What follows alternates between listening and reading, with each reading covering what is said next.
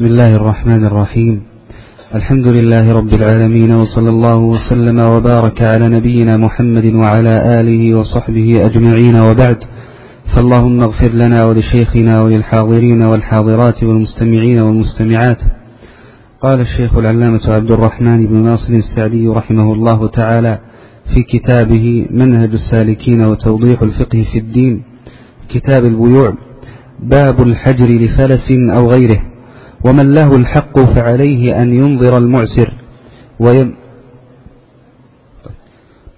قال والضمان أن يضمن الحق أن يضمن الحق عن الذي عليه والكفالة أن يلتزم بإحضار بدل الخصم. قال صلى الله عليه وسلم الزعيم غارم فكل منهما ضامن إلا إن قام بما التزم به أو أبرأه صاحب الحق أو برئ الأصيل. والله أعلم. بسم الله الرحمن الرحيم. الحمد لله رب العالمين وصلى الله وسلم على نبينا محمد وعلى آله وصحبه أجمعين. ثم أما بعد نكمل ما ابتدأناه قبل في باب المعاملات من كتاب منهج السالكين ووقفنا عند باب الضمان. والفقهاء رحمهم الله تعالى يفرقون بين نوعي الكفالة فإن فإن كانت الكفالة متعلقة بالمال سموها بالضمان بالضمان. وإن كانت الكفالة متعلقة بالبدن فإنهم يقصرون اسم الكفالة عليها. وهذا هو الذي عليه متأخر الحنابلة. وإلا من الفقهاء وبعضهم أيضا من الحنابلة من يرى أن كلا النوعين يسمى كفالة. فإن كانت بالمال سميت كفالة أو كفالة بالمال. وإن كانت بالبدن قيدت فسميت كفالة بالبدن. أنا قصدي من هذه المقدمة أن نعرف أن المتأخرين من فقهاء الحنابلة يخصون لفظة الكفالة بالكفالة بالبدن فقط. وجماهير أهل العلم يعممون هذا المصطلح على كفالة البدن وعلى كفالة المال معا. طيب يقول الشيخ رحمه الله تعالى والضمان المراد بالضمان إذن هي الكفالة بالمال أليس كذلك؟ هي الكفالة بالمال. والكفالة بالمال أو بالضمان من الأمور المشروعة التي جاءت عن نبينا صلى الله عليه وآله وسلم جاء عنه فعلها وإقرارها بل هي قبل ذلك في كتاب الله عز وجل ففي قصة يوسف ابن يعقوب عليهما السلام أنه قال ولمن جاء به حمل بعير وأنا به زعيم أي أنا كافر لمن أحضر أخاه أن يعطيه حمل بعير من الأرزاق. فدل ذلك على أن الكفالة في الجملة مشروعة. والمصنف رحمه الله تعالى إنما ذكر في مسألة الضمان أو الكفالة بالمال جملة واحدة. فقال أن يضمن الحق عن الذي عليه. أن يضمن الحق عن الذي عليه. الفقهاء يعبرون عن هذه الجملة بجملة أخرى. وهذه الجملة الثانية مهمة جدا فإنهم قالوا إن الضمان أو الكفالة بالمال هي ضم ذمة إلى ذمة. في المضمون في المضمون أي بخصوص المضمون. وقول الفقهاء رحمهم الله تعالى إن الكفالة هي ضم ذمة إلى ذمة يفيدنا الكثير من المسائل.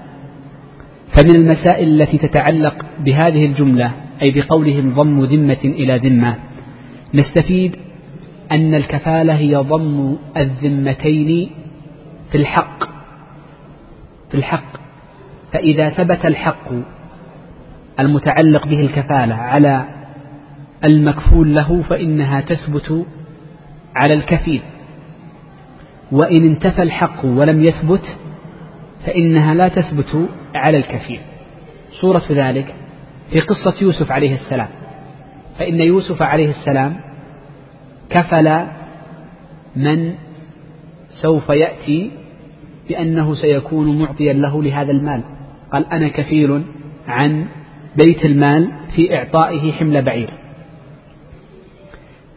فإن لم يتحقق عقد الجعالة لم يؤتى له بالرجل. فهل يثبت الحق على المتكلم؟ إذا من باب أولى أنه ينتفي عن عن الفرع وهو الكفيل. إذا ضم الذمتين في الثبوت. نبدأ إلى المسألة الأولى ضم الذمتين في الثبوت. وهذا في الأمور التي تحتمل الثبوت وعدمه. مثال ثاني. تأتي في السوق فتقول لرجل بع فلان وأنا كفيل له. بعه وأنا كفيل له. طيب إن لم يبعه خلاص. لم يثبت في الكفالة شيء. لم يثبت في الكفالة شيء. إذا هذا الأمر الأول وهو ضم الذمتين في الثبوت. الأمر الثاني نستفيد من قولهم إنه ضم ذمتين أن الكفالة ضم للذمتين في السقوط أيضا. فإن الحق القاعدة فإن الحق إذا سقط عن الكفيل أو عن المكفول له فإن الحق إذا سقط عن الأصيل وهو المكفول له سقط عن الكفيل من باب التبع. هنا ثبت الحق. ثبت ثم سقط بعد ذلك. كلما سقط الحق عن المكفول له فإنه يسقط عن الكفيل من باب التبع. فيسمى سقوط الحق من باب التبعية. عندما تكفل شخصا في دين فيسدد الدين. سقط الحق. خلاص سقطت الكفالة سقط انفسخت. عندما تكفل شخصا في دين فيبرئ صاحب الحق صاحب الدين. يقول أبرأتك يا صاحب الدين لكن الكفيل هذا لا أريد أن أطالبه. نقول لا سقطت الحق لأنه سقوط تبعي. عندما تكفل شخصا في دين ويرث هذا الدين. يعني يكون قد استقرض ألفا من أخيه. ثم مات أخوه وليس له وارث غيره. هنا من ورث الدين؟ هو هو ورث, ورث دين نفسه. والشخص إذا ورث الحق سقط. إذا هنا سقط الدين عنه فيسقط عنك من باب التبع. لا العكس. فإنه أحيانا تسقط عن عن الأصيل عن عن عن عن الفرع وهو الكفيل ولا تسقط عن الأصل. نفس الصورة التي قبل قليل. يأتي صاحب الحق يقول عفوت عن الكفيل فقط. وباقي صاحب الدين لا ما عفوت عنه. يجوز له. فيسقط من باب الأصالة عن نفسه ولا تسقط من باب التبعية فتبقى عن الدين. أو أن يرث الحق من؟ الكفيل هو الذي يرث الحق. تكفلت واحد استلف من أخيك ألف. فمات أخوك. من ورث الدين؟ الكفيل. فتسقط الكفالة ويبقى الدين. تسقط الكفالة ويبقى الدين. إذا لا تسقط الكفالة وحدها ويبقى الدين إلا في صور محدودة منها ما ذكرت لكم. وهذا ما يسمى سقوط الكفالة من باب الاستقلال وحدها. الثالثة وهي الأخيرة مما يتعلق بجملتنا هذه. أن الكفالة تضم ذمة إلى ذمة في المطالبة في المطالبة. وجمهور أهل العلم يرون لأني سأذكر لكم خلافا يتعلق بابن القيم ولذلك ذكرته. وجمهور أهل العلم يرون أن صاحب الحق الذي هو الدائن له الحق أن يطالب المدينة أو أن يطالب الكفيل. اختار أي واحد. يجوز له أن يقول المدين الذي عليه الدين دعه في بيته لا أريد أن أطالبه في المحكمة. أريد أن أطالب مباشرة عن طريق المحكمة أو الشرطة. أطالب من؟ الكفيل. لماذا؟ لأن الذمتين قد اتحدتا في الثبوت والسقوط والمطالبة. في الثبوت تكلمنا عنه والسقوط والمطالبة التي هي هذه المسألة. طيب إن سددت عنه أنت أيها الكفيل فإنك ترجع عليه فتكون دائنا لمن؟ للأصيل الذي هو عليه الدين. وضحت مسألة المطالبة؟ ابن القيم رحمه الله تعالى ولا أعرفها عن الشيخ تقي الدين. انتصر لقول المالكية في هذه المسألة فإنهم يقولون لا يجوز مطالبة الكفيل حتى يعجز الأصيل الذي عليه الدين. ما تروح تطالب الكفيل حتى تطالب الأصيل فإن عجز عن السداد انتقل بعد ذلك للكفيل وابن القيم انتصر لهذا الرأي وأطال في الانتصار عليه في إعلام الموقعين.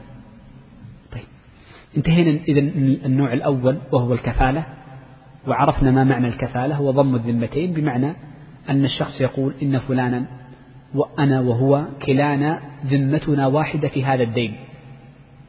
إما أن يسددك هو أو أسددك أنا كلانا سواء فإن سددتك أنا أيها الكفيل فإني أكون دائنا لمن عليه الدين. ليس معنى أني أسدد تبرعا لا أسدد ويبقى الدين في ذمة الأول. النوع الثاني من الكفالة وهي كفالة البدن التي يطلق الفقهاء اسم الكفالة عليها فهي الالتزام بإحضار الخصم بإحضار الخصم. وهذا الالتزام بإحضار الخصم نستفيد منها جمل.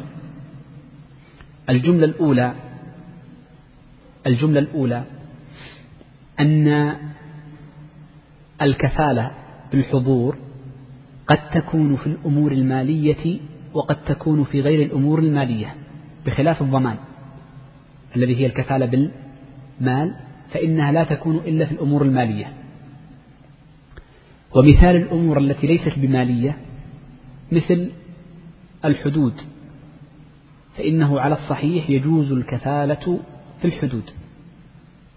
هذا اختيار الشيخ تقي الدين عليه رحمة الله فإنه يجوز كفالة إيش؟ الإحضار في الحدود. بس طبعا لا بد من شروط فيها. كيف تكون الكفالة في الحضور في الحدود؟ شخص عليه حد سيقام عليه حد شرب وقدره ثمانون جلدة. وسيقام الحد عليه بعد يومين وسيتعب بعد الجلد يومين أو ثلاثة. فتأتي أنت فتقول أخرجوه يوما أو يومين وأنا كفيل بإحضاره. هذه كفالة في إيش؟ في حدود. هناك كفالة أيضا في ما يسمى في في على تعامل الناس فيما بينهم الذي لا يترتب عليه مال. هناك كفالة فيما يترتب عليه مال وهي باب الوعد الإحضار مثل قضية الخصومات. الخصومات. أليس أحيانا يكون الخصمان يلزم أحد الخصمين قبل صدور الحكم؟ شوف قبل صدور الحكم. بعد صدور الحكم قد تكون ضمان. فمن باب الكفالة فمن باب الإلزام بالحضور يقال للخصم إيتي بكفيل لإحضارك إلى المحكمة قبل ثبوت الحق. هذه كفالة في الخصومات في تعامل الناس فيما بينهم. طيب هذه مسألتان. المسألة الأولى وهو أن الكفالة بالبدن تدخل في القضايا المالية وتدخل في غيرها. طيب المسألة الثانية المسألة الثانية إذا التزم امرؤ بإحضار شخص فلم يحضره فما الذي يترتب عليه؟ واضح؟ أو أعيد المسألة. إذا التزم شخص بإحضار شخص آخر هذا تسمى إيش؟ الكفالة بال بال بالبدن. فمن ولم يحضره فما الذي يلزمه؟ نبدأ في القضايا المالية. الفقهاء يقولون شوف الفقهاء يقولون إذا كانت الكفالة كفالة الإحضار في أمر يتعلق به مال ضمان فإذا لم يحضره فإنه يكون ضامنا. أي كفالة بالإيش كفالة إيش؟ بالمال. يعني تصبح كفالة مالية. سواء بعذر أو بدون عذر. بحث عنها أو لم تبحث عنها. تغرم المال الذي عليه. هذه الصورة الأولى. أو الحالة الأولى. الحالة الثانية إذا كانت الكفالة تتعلق بالحدود ولم يحضره. فهل نقول يقام الحد على الكفيل؟ ما رأيكم؟ لا نقول ما يقام الحد على الكفيل. لا يمكن أن يقام الحد على الكفيل. طيب ما الذي يجب على الكفيل؟ ما رأيكم؟ فكر جيبوا أي شيء. يسجن؟ طيب جيب لي السجن بأسلوب آخر غير لي إياها. سم نقول نعم. يكون للقاضي الحق في تعزيره بحبس بجلد وخاصة إذا ظهر التفريط منه. يعني عرف أنه سيسافر خارج البلد ولم يبلغ عنه. فيعاقبه القاضي ليس بالحد وإنما يعاقبه بالتعزير. يرى تعزيرا معينا فيعاقبه من باب التأديب له ليس من باب الحد وخاصة إذا ثبت تفريطه. إذا ثبت تفريطه لا الحد يبقى في ذمة الأخ وقت ما يقبض عليه يسقط الحد لأن الحدود لا تسقط بالتقادم طيب. هناك مسألة قبل أن ننتقل المسألة التي بعد هذه. إحنا بدأنا كم؟ ربع؟ ربع زين. هناك مسألة. متى ينتفي الضمان متى ينتفي الضمان؟ عن الكفيل بالبدن في القضايا المالية متى ينتفي؟ إذا أحضره واحد اثنين قالوا إذا اشترط ذلك إذا اشترط. فالكفيل بالبدن إذا اشترط في عقد الكفالة أقال أنا علي الإحضار فقط فإن عجزت فما علي شيء. قالوا هذا الشرط معتبر مقبول. فيسقط عنه الضمان ما لم يكن منه تفريط. إن كان منه تفريط فهرب هذا الذي عليه الدين. فنقول لأجل تفريطك ولو كنت مشترطا يجب عليك الضمان أيها الكفيل. ولذلك الفقهاء منهم وهم المالكية من قسم الكفالة بالبدن إلى قسمين. قسم يشترط فيها عدم الضمان شرط اتفاقي وشرط وقسم لا يشترط فيها الضمان.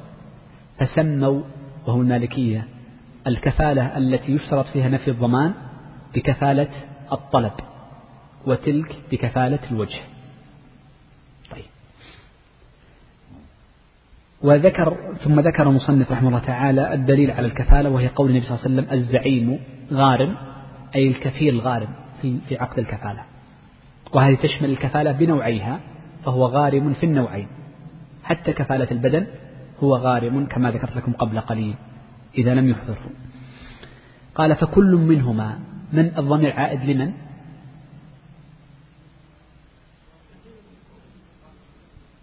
للكفيل والمكفول صح. أو الضامن والمضمون. فكل منهما لأنها ضم ذمة إلى ذمة. ضامن إلا إن قام بما التزم به. إذا قام بما التزم به وهذا يسمى قضاء الدين. قام من عليه الحق بالتزام ما عليه بسداد أو أبرأه صاحب الحق. أو أبرأ صاحب الحق من عليه الدين. أو برئ الأصيل. أو برئ الأصيل. هذه مسألة تكلمنا عنها في أول الدرس. تفضل شيخ. سم شيخي.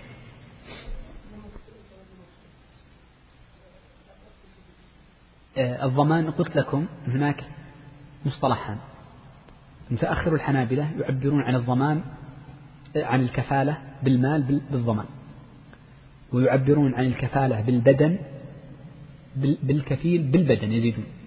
عفوا بالكفالة فقط يسكتون أغلب الفقهاء وهم بعض الحنابلة المتقدمين والمذاهب الأخرى يطلقون عقد الكفالة على النوعين على الضمان وعلى كفالة البدن. لأن في الحقيقة كفالة البدن مآلها إلى الكفالة بالمال ولذلك يعني كثير من طلبة العلم يخطئون في هذا الباب. لماذا؟ لأنه يشكل عليه باب الضمان هنا في باب الضمان في المتلفات. ولا مشاحة في الاصطلاح. لا مشاحة في الاصطلاح. واضح شيخ؟ جزاك الله خير. نعم تفضل شيخ. قال رحمه الله باب الحجر لفلس أو غيره ومن له الحق فعليه أن ينظر المعسر. وينبغي له أن ييسر على الموسر ومن عليه الحق فعليه الوفاء كاملا بالقدر والصفات. قال صلى الله عليه وسلم مطل الغني ظلم وإذا أحيل بدينه على مليء فليحتل. متفق عليه. وهذا من المياسرة. طيب نقف هنا يا شيخ. أه، بدأ الشيخ رحمه الله تعالى بذكر باب الحجر على المفلس وغيره. أه، قالوا والمراد بغيره أشخاص منهم أه، السفيه.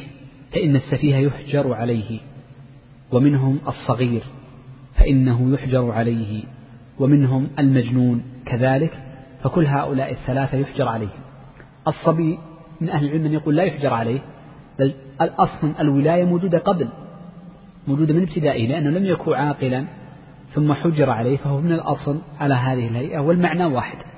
ولذلك يسمى في باب الحجر ولي الحجر المسؤول عنه. وعلى الصبي يسمى الوصي يسمونه وصي. وهناك مسائل قليلة جدا عند الفقهاء يفرقون فيها بين الوصي وبين الولي ولي المال. طيب. آه قبل أن يتكلم المصنف رحمه الله تعالى عما يتعلق بالحجر وما يتعلق به تكلم عن أحكام الدين. فقال أولا إن من له حق فعليه أن ينذر المعسر. آه، قبل ذلك يحرص المسلم قدر استطاعته ألا يقترض دينا لأن الدين بين النبي صلى الله عليه وسلم في غير ما حديث أن من عليه أن من أن من مات شهيدا فإنه تغفر كل ذنوبه إلا الدين.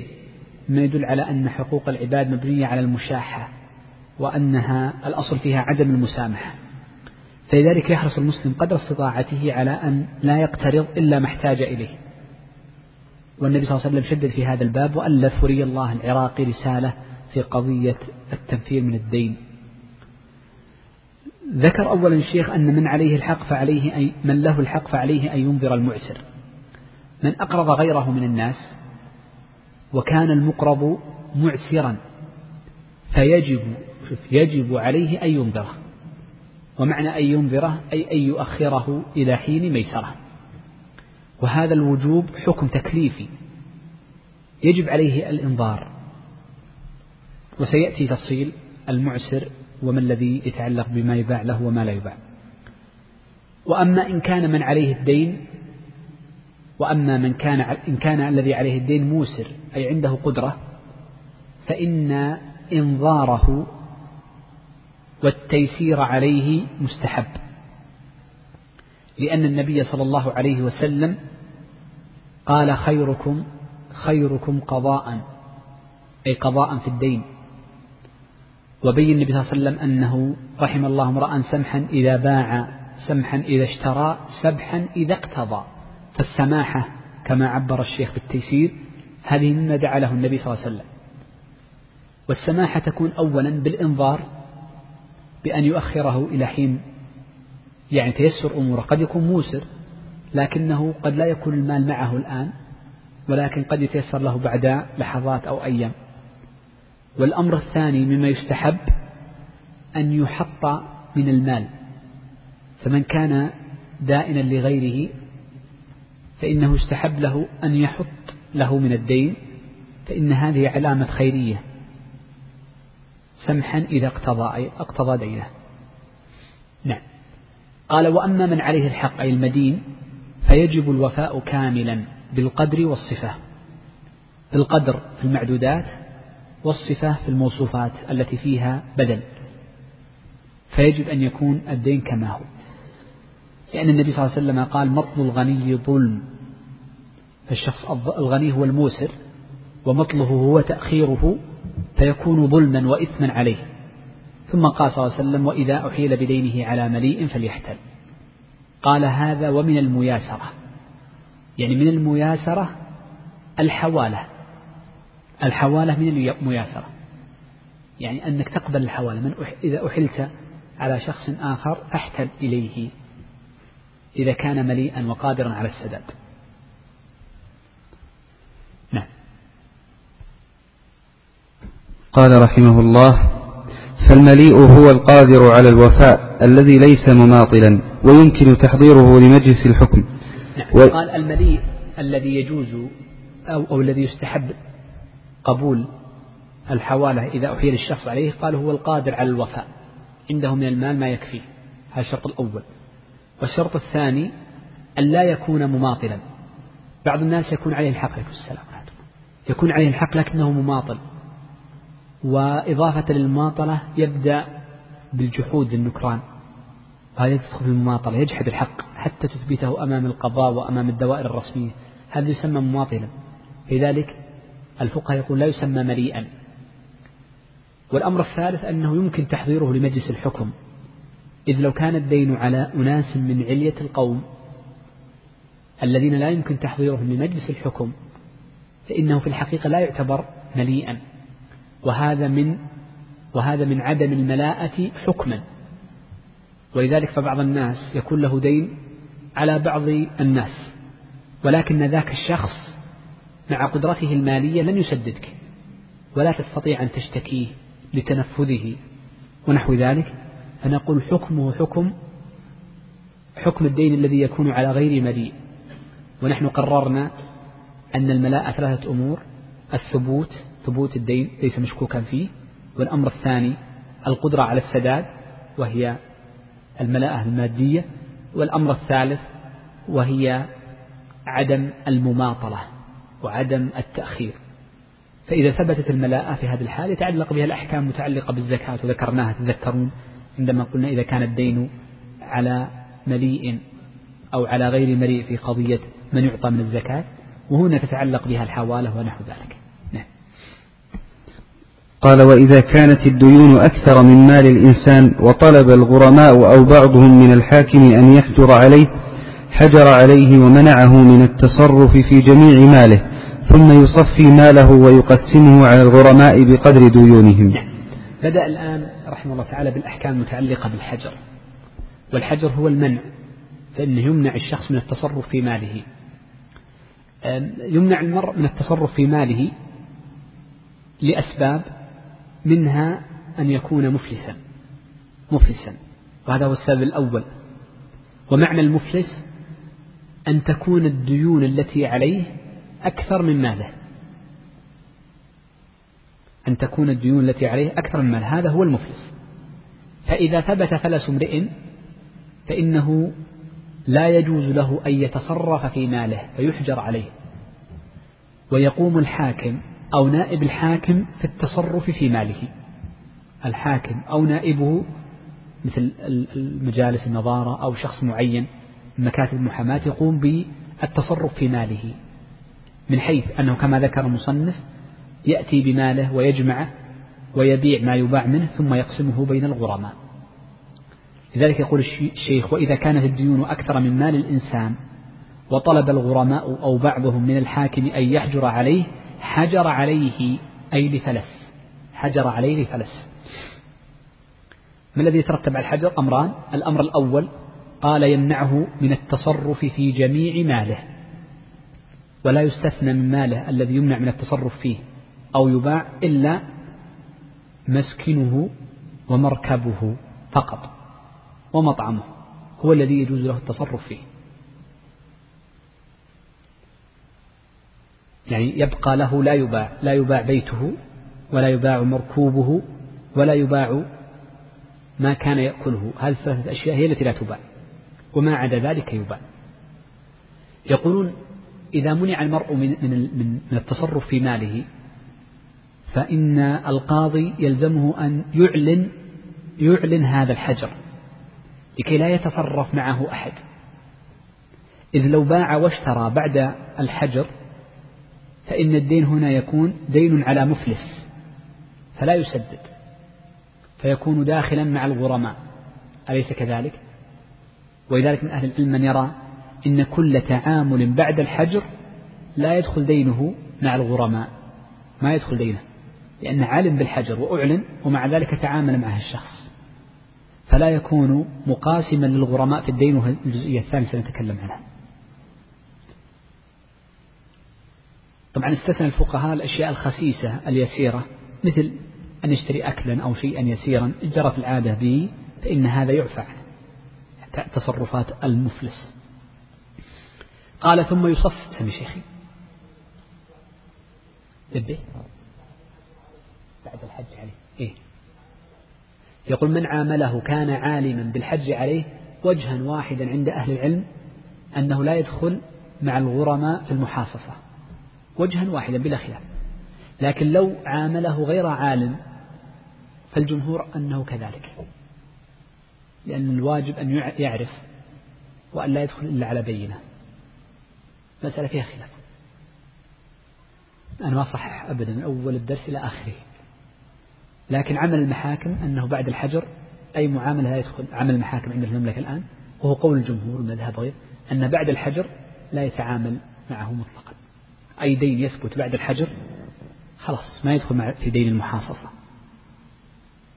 فيعتبر معدوما وإن كان له ديون. قال ثم يصفي ماله. كيف يصفي ماله؟ يصفي ماله بأن يجمع النقد اللي هو العين ويبيع العروض تباع العروض. يجب أن تباع العروض. ثم يقسم على الغرماء بقدر ديونهم أي بالنسبة والتناسب. فينظر للديون لنقول إن الديون مئتين والأموال التي صفيت مئة فمن كان له خمسين فإنه يأخذ خمسة وعشرين بالنسبة والتناسب بنسبته. لا نقسم على الرؤوس وإنما تقسم بقدر الديون بقدر الديون. قال رحمه الله ولا يقدم منهم إلا صاحب الرهن برهنه. وقال صلى الله عليه وسلم من أدرك ماله عند رجل قد أفلس فهو أحق به من غيره. متفق عليه. نعم. قال لا يقدم من أصحاب الديون إلا اثنين.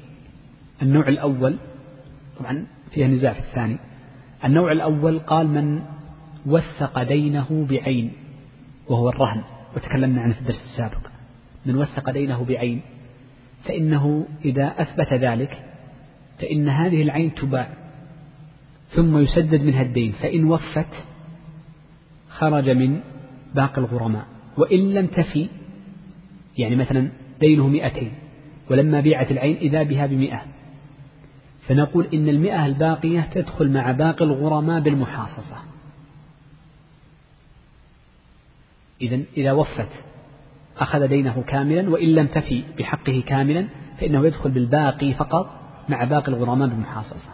الأمر الثاني قالوا من وجد عين متاعه بعموم حديث النبي صلى الله عليه وسلم من أدرك ماله عند رجل قد أفلس فهو أحق به من غيره.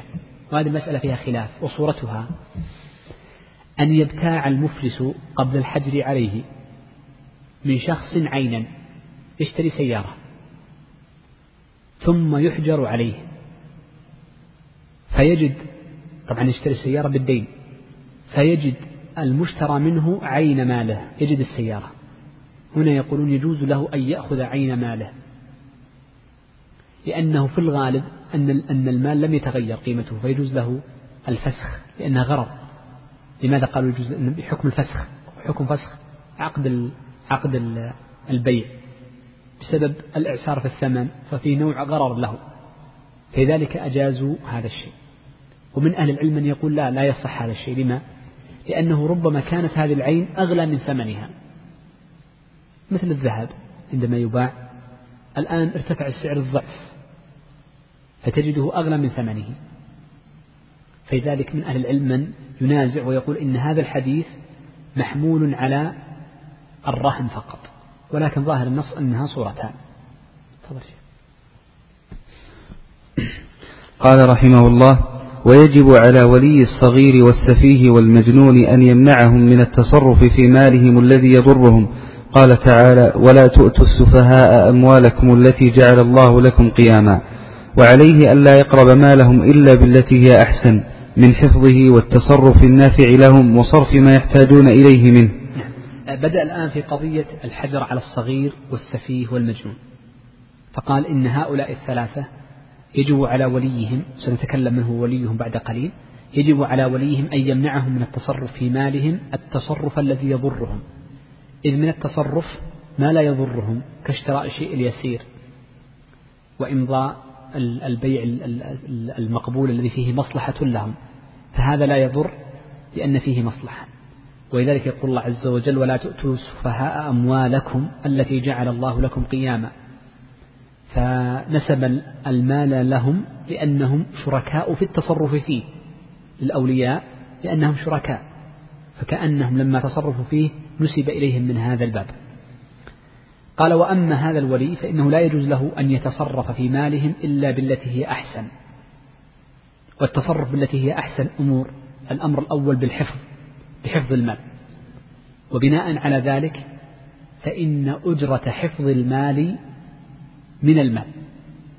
الحفظ حفظ المال وأجرته منه.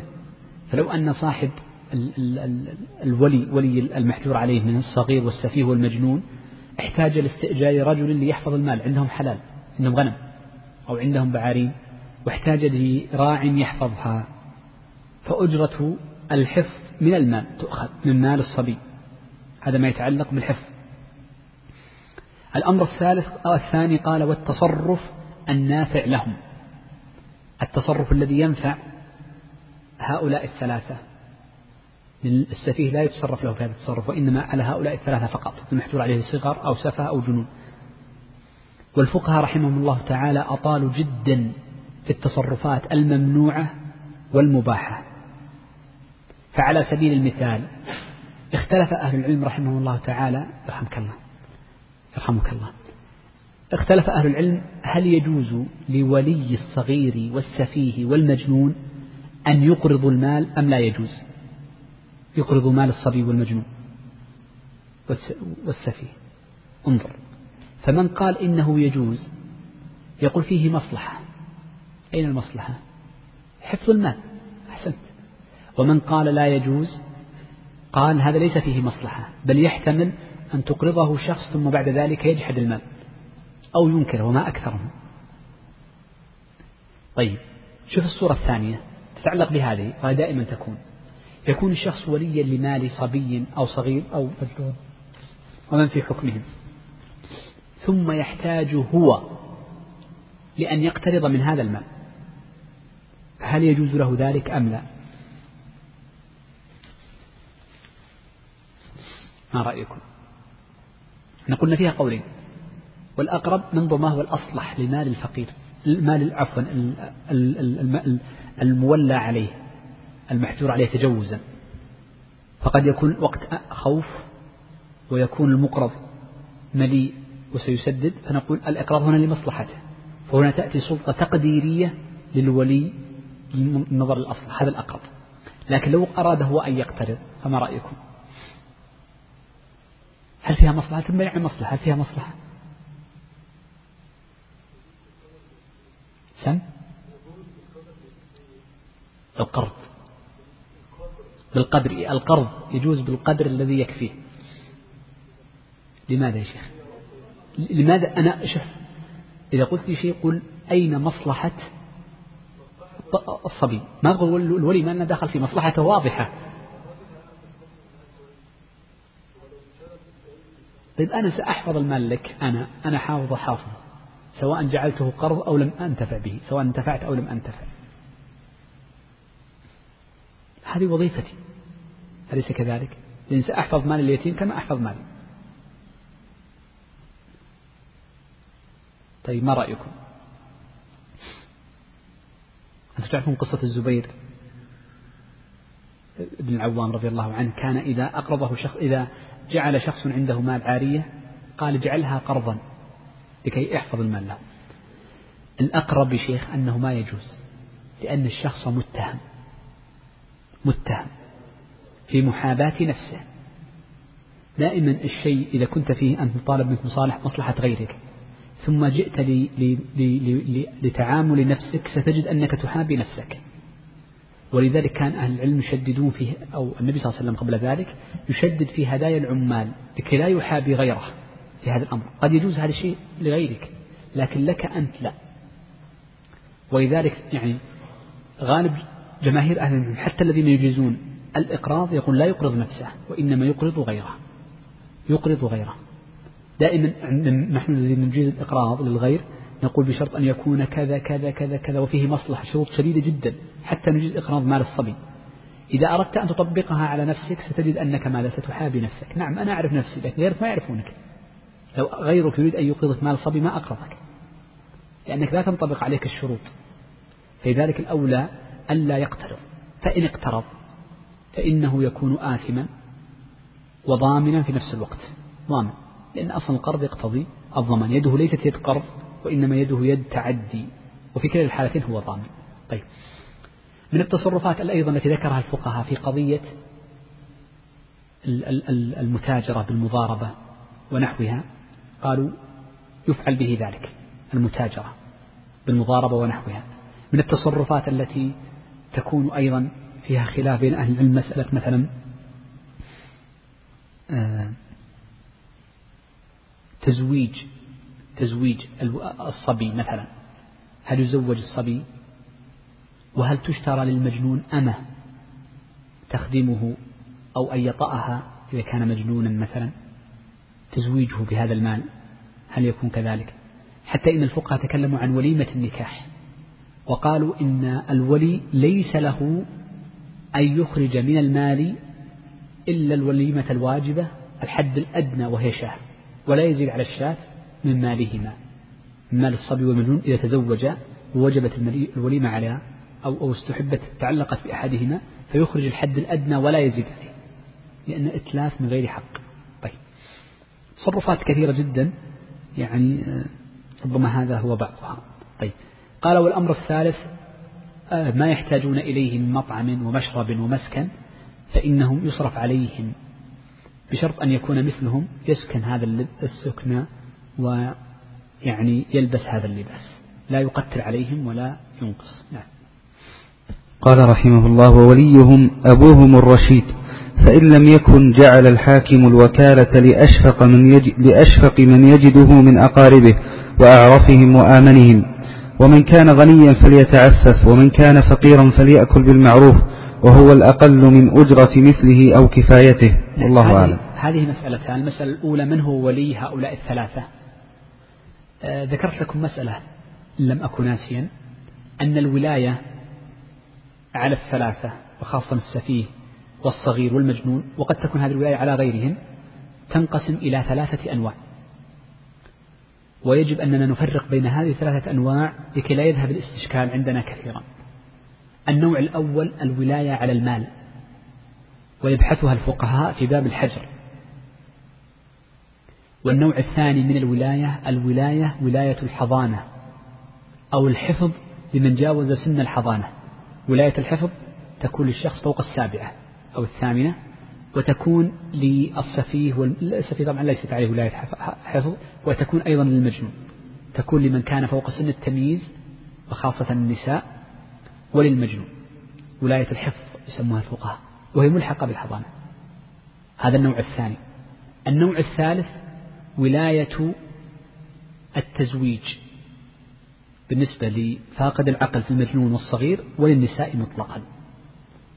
الأصل أن الذي يقوم بهذه الثلاث جميعا إنما هو الأب إذا كان موجودا الأصل وكانت الأم معه الزوجة معه هذا الأصل. فإن انتفى اجتماعهما يعني الولاية الولاية للمال للأب الأصل. فإن انتفت فإنها تنتقل إلى وصيه شوف ما ذكرها الشيخ سنعود لها. ثم للحاكم مباشرة. مباشرة للحاكم. ولاية المال لوصي الأب لوصي الأب ثم للحاكم. طيب ولاية التزويج للأب ثم لوصيه ثم لوصيه ثم لسائر القرابات الأولياء في النكاح بحسب الترتيب المعروف سيمر علينا ثم للحاكم. شو الفرق؟ بين ولاية التزويج فإنها تنتقل من غير حكم حاكم بينما ولاية المال فإنها تنتقل للحاكم بعد الأب أو وليه مباشرة وصيه مباشرة. ولاية الحضانة هي خاصة بالنساء. فإنها تكون للأم فإن ماتت الأم أو عجزت بأن تزوجت أجنبي ونحو ذلك فإنها تنتقل لأمها ثم لأختها ثم لأخت الزوج ثم بعد ذلك. ولاية الحفظ يعني إذا كان صغيرا فهي في الحضانة وإن كانت كبيرة فالأصل أنها للأب والأم وللقرابات العصبة يقول. المحارم يشترطون أن يكونوا محارما. سنتكلم عنها إن شاء الله في باب الحضانة. إذا باختصار ولاية المال يشترك فيها الرجل والأنثى. ولاية التزويج خاصة بالرجال. ولاية الإنك... آه، ولاية الحضانة خاصة بالنساء. الحضانة لمن هو دون؟ سبع سنوات سنمر عليه إن شاء الله في محلها. إذا قلنا ولاية المال سنتكلم عنها اليوم. الأصل أنها تثبت للأب إذا كان رشيدا يعني يجيد التصرف في المال. فإن فقد الأب فإنها لوصيه شوف لوصيه مباشرة وهذا هو الصحيح ولو بدون حكم حاكم. وهذا الذي عليه العمل في المحاكم واختيار جماهير أهل العلم هو المذهب. ولا أدري لماذا الشيخ لم يذكرها. فيجب أن فتنتقل لوصي الأب. إذا مات الشخص السنة أن يوصي لأبنائه فيقول أوصي فلانا على أبنائي في المال وأوصي فلانا على أبنائي في التزويج. أحيانا الشخص يجعل الوصي على أبنائه في المال زوجته امرأة يجوز. فتكون زوجته هي المسؤولة لا ينازعها أحد إلا أن يثبت سفهها. ويجوز له أن يجعل الذي يزوج بناته شوف هذا الأب فقط دون غيره ما يوصي غير الأب. الأخ لو مات ما يوصي. فيجعل الوصي على بناته أبو الجيران. إمام المسجد ما يقرب لهم يا شيخ. هو الوصي. لكن بعض الناس يقول بنتي هذه ربما يعني إمام المسجد أعرفه يعرف الرجال وكذا فأعرف أنه ثقة ثبت بينما ربما أبنائي الكبار أو إخواني ليسوا قد ينشغلون عن بناتي فيوصي أن الوصي على بناتي إمام المسجد. لأنه يعرف أنه يعرف الناس وهو ثقة فيجعله فهو الذي يزوجهن هو الذي يجب عقد النكاح. وضح معنى الوصي؟ فالوصي ليس واحدا وصي في ولاية النكاح وفي ولاية المال. طيب. إن لم يكن هناك وصي طيب قبل أن ننتقل الوصي لو كان الأب ليس عدلا لو كان الأب ليس عدلا ثم أوصى لشخص عدل فهل يقدم وصيه على غيره أم لا؟ اختيار شيخ الإسلام تيمية كما نقل صاحب الفروع أنه يقدم وصي الأب وإن لم يكن وصي وإن لم يكن الأب عدلا. الأب أصلا ما يستحق أن يكون ولي لكن نظرا لأنه أوصى إلى شخص عدل ثقة فإنه مقدم على غيره. وضحت الفكرة؟ واضح يا شيخ؟ إيه؟ السلام ورحمة الله. طيب إذا فقد الوصي لا يوجد أصلا أو مات فما نقول وصي الوصي؟ لا تنتقل للحاكم. فيختار الحاكم رجلا أمينا ويستحب أن يكون من قرابتهم. لماذا قلت ويستحب؟ ليس واجب لأن الآن التوجه في الأنظمة وسيكون عندنا قريبا. إيجاد هيئة تسمى بهيئة موجودة في كثير من الدول ستكون يعني التوجه العام لها الآن يعني أعلن عنها وهي هيئة الوصاية على القصر. فتكون الهيئة هي التي تقوم بالولاية على هؤلاء القصر. استحب أن يكون قريبا من أقاربهم لأن القريب يكون هناك معنى عاطفة ومعرفة بهم أكثر من البعيد والأجنبي. ولذلك يقول جعل الحاكم لا بد من حكم حاكم. الوكالة لأشفق من يجده من أقاربه أي أقارب المحجور عليه وأعرفهم وآمنهم أعرفهم بالحال وآمنهم في الثقة والتصرف بالمال. هل يقدم الذكر عن الأنثى أم لا في الوصاية على المال؟ لا لا يقدم سواء. لا فرق بين رجل وأنثى في الوصاية على المال. ولذلك أنا أقول لكم كثير من الناس يظن أن هاتين الولايتين مرتبطتين أو الثلاث. فيظن أن من يزوج هو الذي يجب عليه أن يكون وصي المال. فيقولون لما يموت وليهم أبوهم يقولون وصي البنات أخوهم الأكبر مثلا. طبعا الأخوة سواء سيمر معنا إنما يكون الإخوان مستوين في الدرجة والقوة أيهم يقدم فيقول إذن هو المسؤول عن المال. لا ليس لازما قد تكون أمهم قد يكون أبن الجيران قد يكون الحاكم هو نفسه هيئة النظر لا أعرف ما تسمى. طيب. الأمر الأخير وبه ينتهي الباب أن هذا الوصي آه، إذا كان غنيا فالسنة له أن يتعفف لا يأخذ أجرة وإن كان فقيرا فالسنة أن يأكل بالمعروف أي بالعرف. وما هو العرف؟ المذهب أن العرف هو الأقل من أحد أمرين إما أجرة مثله أو كفايته. هذا هو المذهب. ولكن العمل في المحاكم على غير ذلك وإنما العرف وإنما العمل في المحاكم على أنه يأخذ أجر مثله. لو قلنا قدر كفايته ربما الشخص لا يكفي 500 ريال. قدر كفايته وهو الأكل والشرب. ولكن العمل في المحاكم أن أنه تقدر أجرة مثل للوصي على القصر فيأخذ راتبا مقطوعا ولا يأخذ نسبة ما يأخذ نسبة. وإنما يأخذ راتبا مقطوعا. قد يتجوز لأنه السعي وما السعي وما يتعلق بذلك لكنه ليس كذلك. طيب المذهب الأقل ولكن حقيقة في كلفة في كلفة ليست بالسهلة. لو قلنا بهذا مشكلة. لم يأتي أحد ليكون وصي لأن أصلا الشخص لو حسبت أكلك وشربك في الشهر كله يعني ما أعتقد يجاوز ألف ريال. لن يأخذ أحد ألف ريال ويشغل وقته كامل في النظر في أحوال القصر. بهذه الطريقة. لذلك العمل في محاكم المسلمين عموما أنها بأجرة المثل بأجرة المثل.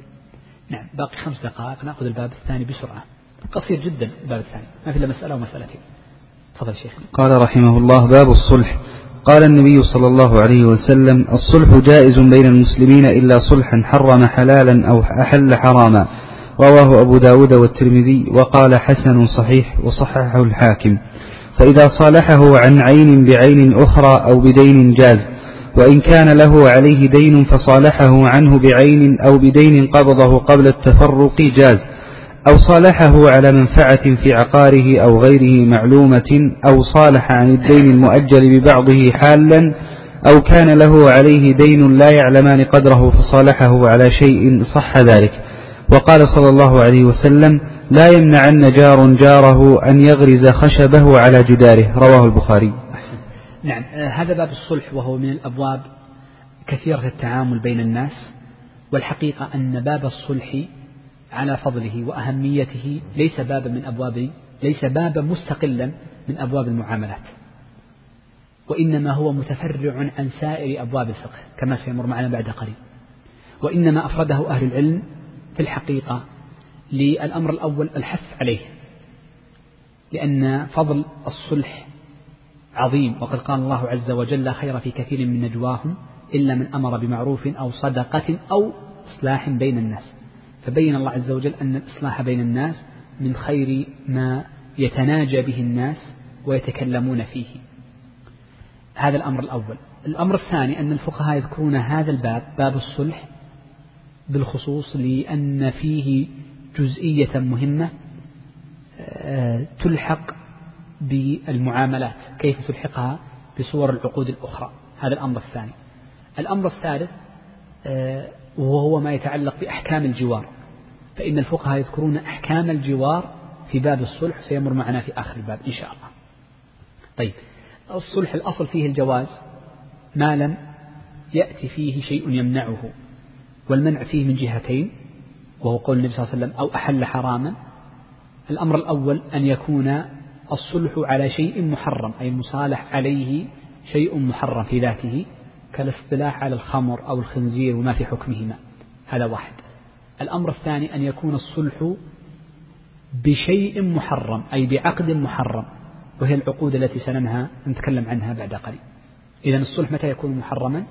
إذا كان بشيء محرم أو بواسطة شيء محرم على شيء محرم أو بواسطة شيء محرم على شيء محرم على عين محرمة بواسطة شيء محرم عن طريق أن يكون العقد عقد ربا كما سيمر معنا بعد قليل. طيب.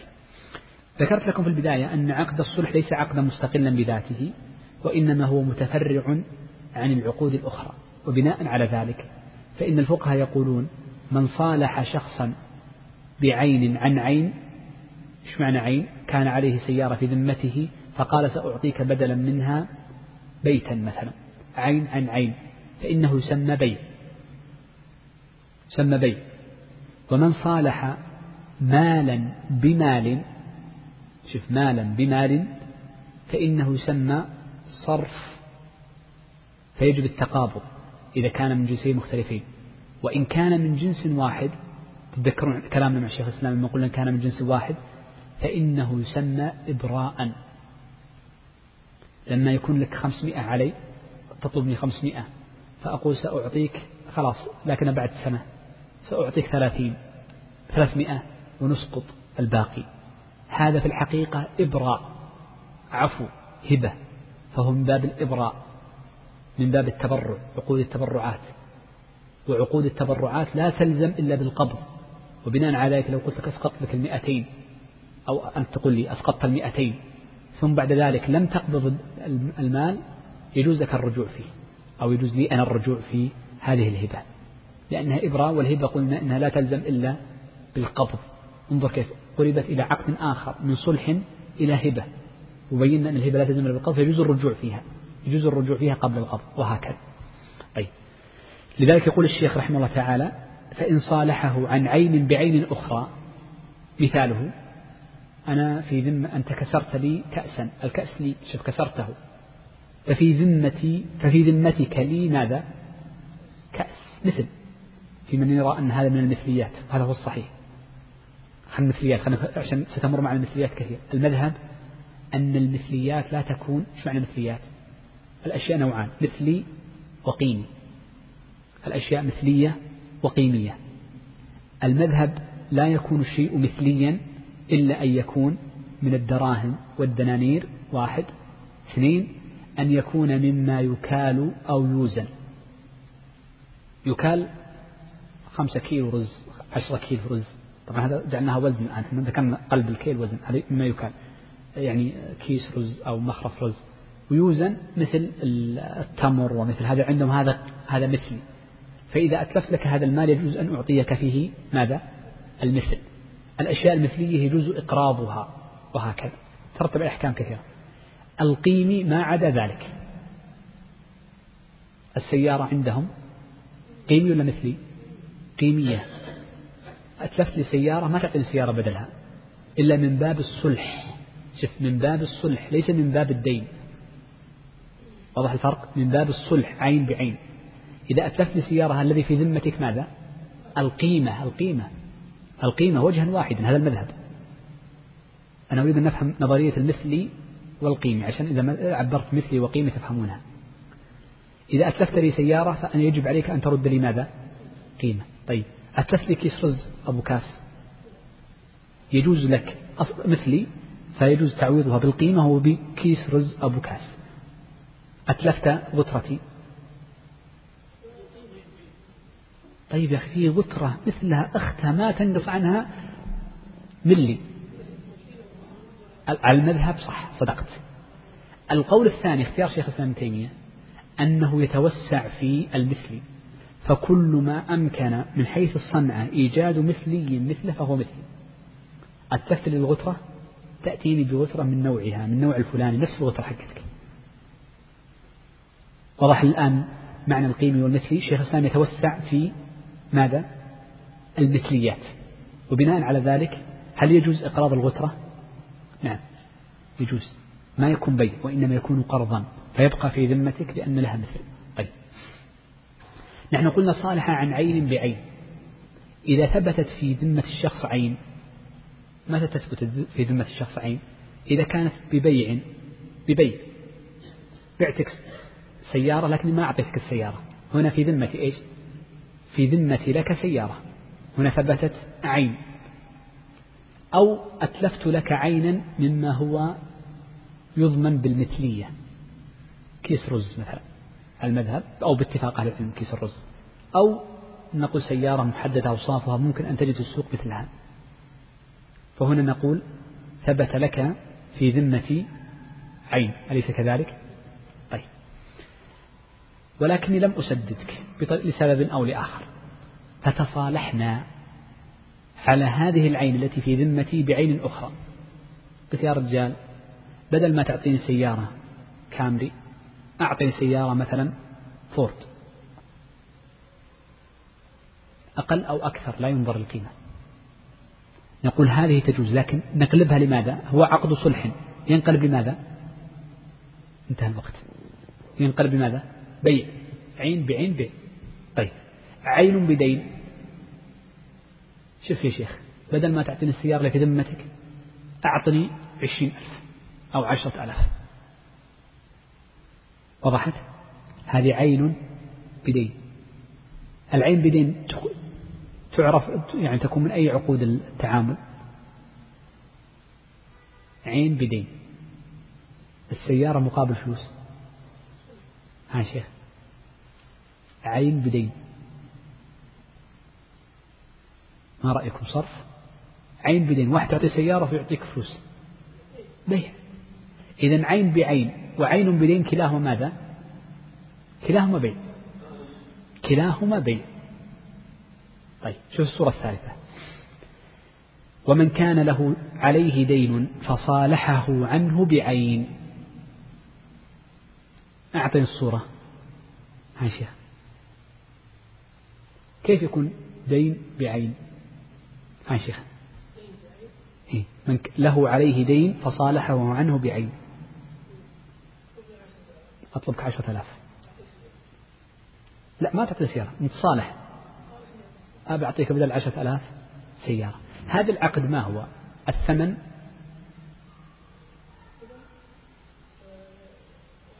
عين. والمثمن؟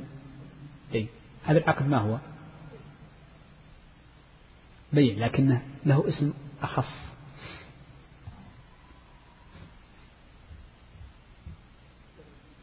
لا هو السلم عندما يكون العين هو المؤخر. يعني عندما نقول مثلا لك مشكلة؟ نعم هو هو لو أخرته يكون سلما لكن تدخل في البيع نعم بالضبط. عموما نقول داخلة في البيع يقول هذا التعامل على المذهب طبعا هذا التعامل لا يجوز إلا بشرط فيجب أن يكون حالا. لأنه لو كنت سأعطيك السيارة مقابل عشرة آلاف مؤجلة تكون من باب بيع الدين بالدين. لأن الدين أحيانا يكون دين نقد وأحيانا يكون دين عين. دين العين لا يدخل في الحديث. نهى عن بيع الكالة بالكالة. وإنما يدخل إذا كان العين الدين عينا نقد. إذا كان الدين نقدا. لذلك يقول لا بد من أن يكون قبض العين حالة لكي لا يكون داخل في النهي عن بيع الكالة بالكالة. ومثله لو كان دين بدين لا يجوز لأنه صرف. يجب التقابض الآن. دين بدين صرف. أطلبك عشرة آلاف ريال سعودي فستقول سأعطيك ألف دينار. لا ألف دينار أكثر من عشرة آلاف ريال سعودي.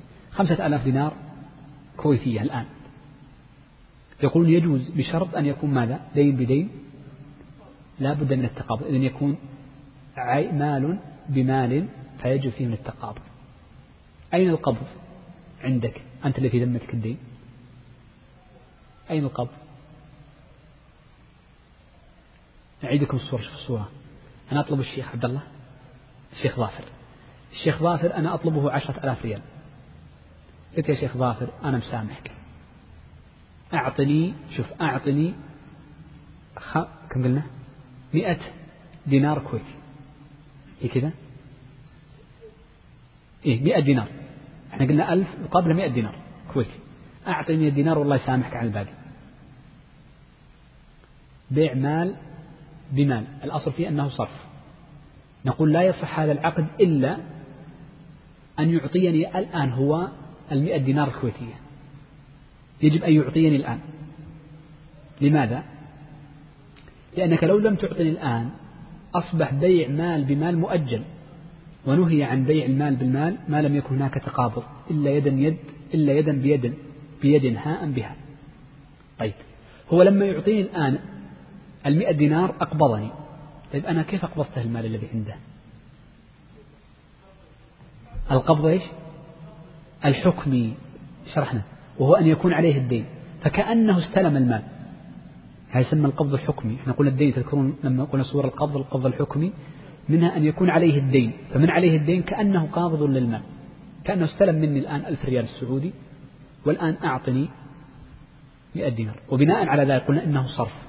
لو تفرقت أنا وهو ولم نتقابض لم يعطني الآن المال فالعقد باطل باطل أصلا.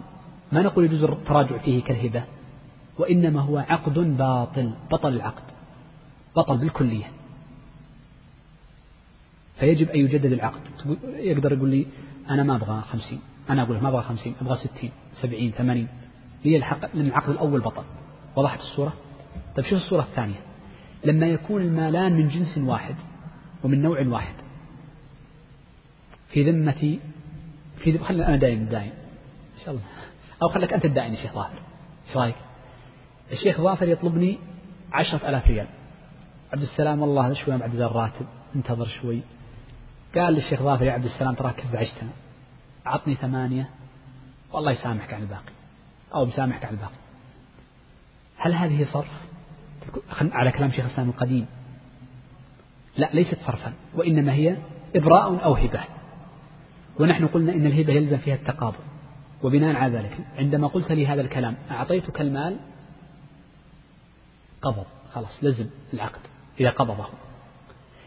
قبل أن أعطيه المال تراجع الشيخ ظاهر. يجوز يجوز التراجع ولا ما يجوز؟ قبل لا بعد القبض خلاص أنا قلتها حليت هذه. بعد القبض ما يجوز التر... بعد القبض ما يجوز. قبل القبض يجوز التراجع بناء على أن الهبة لا تلزم إلا بعد القبض. طيب شوف تفرقت أنا وأنت. خلاص بكرة. يصح العقد ولا ما يصح؟ على رأي شيخ الإسلام. ليس على المذهب. المذهب ما يصح. يجب التقابض. على رأي شيخ الإسلام العقد مستمر صحيح. ما لم تصرح أنت بالرجوع يا شيخ بإبطال الهبة لأنها هبة. وضحت الصورة. هي شغالة شوي معلش فهم. إن كانت ولا نعيدها لأنها آخر نقطة معنا في الدرس. في إشكال هذه؟ طيب. نختم في وأطلت عليكم معذرة المشايخ قال أو صالحه على منفعة في عقار فتكون إجارة. تكون إجارة. أو غيره معلومة. أو صالح عن الدين المؤجل ببعضه حالا. هذا إبراء. فيكون إبراء. وتكلمنا عنه قبل قليل. أو كان له عليه دين. لا يعلمان قدره فصالحه على شيء من ذلك صح في الكل. طبعا النوع الأخير هذا يسمى الصلح عن المجهول والصحيح خلافا للشافعية قول الجمهور أنه يصح الصلح عن المجهول. والجملة الأخيرة وبها نختم ختم الحديث أو المصنف الباب بحديث قول وسلم لا يمنعن جار جاره أن يغرز خشبه على جداره هذا في الزمان الأول كانت الجدر السقف لا تثبت إلا بغرزها على جدار صاحبها. آه، النبي صلى الله عليه وسلم نهى الجار أن يمنع جاره مع أن الجدار ملك للجار الأول ووضع هذا الخشب قد يضره. لكن قالوا بما أنه جرى العرف به واحد ولا ضرر فيه عليه فإنه لا يجوز للشخص أن يمتنع منه. وهذا هل هو من باب الصلح أم باب الحكم؟ الحقيقة أنه من باب الحكم الشرعي.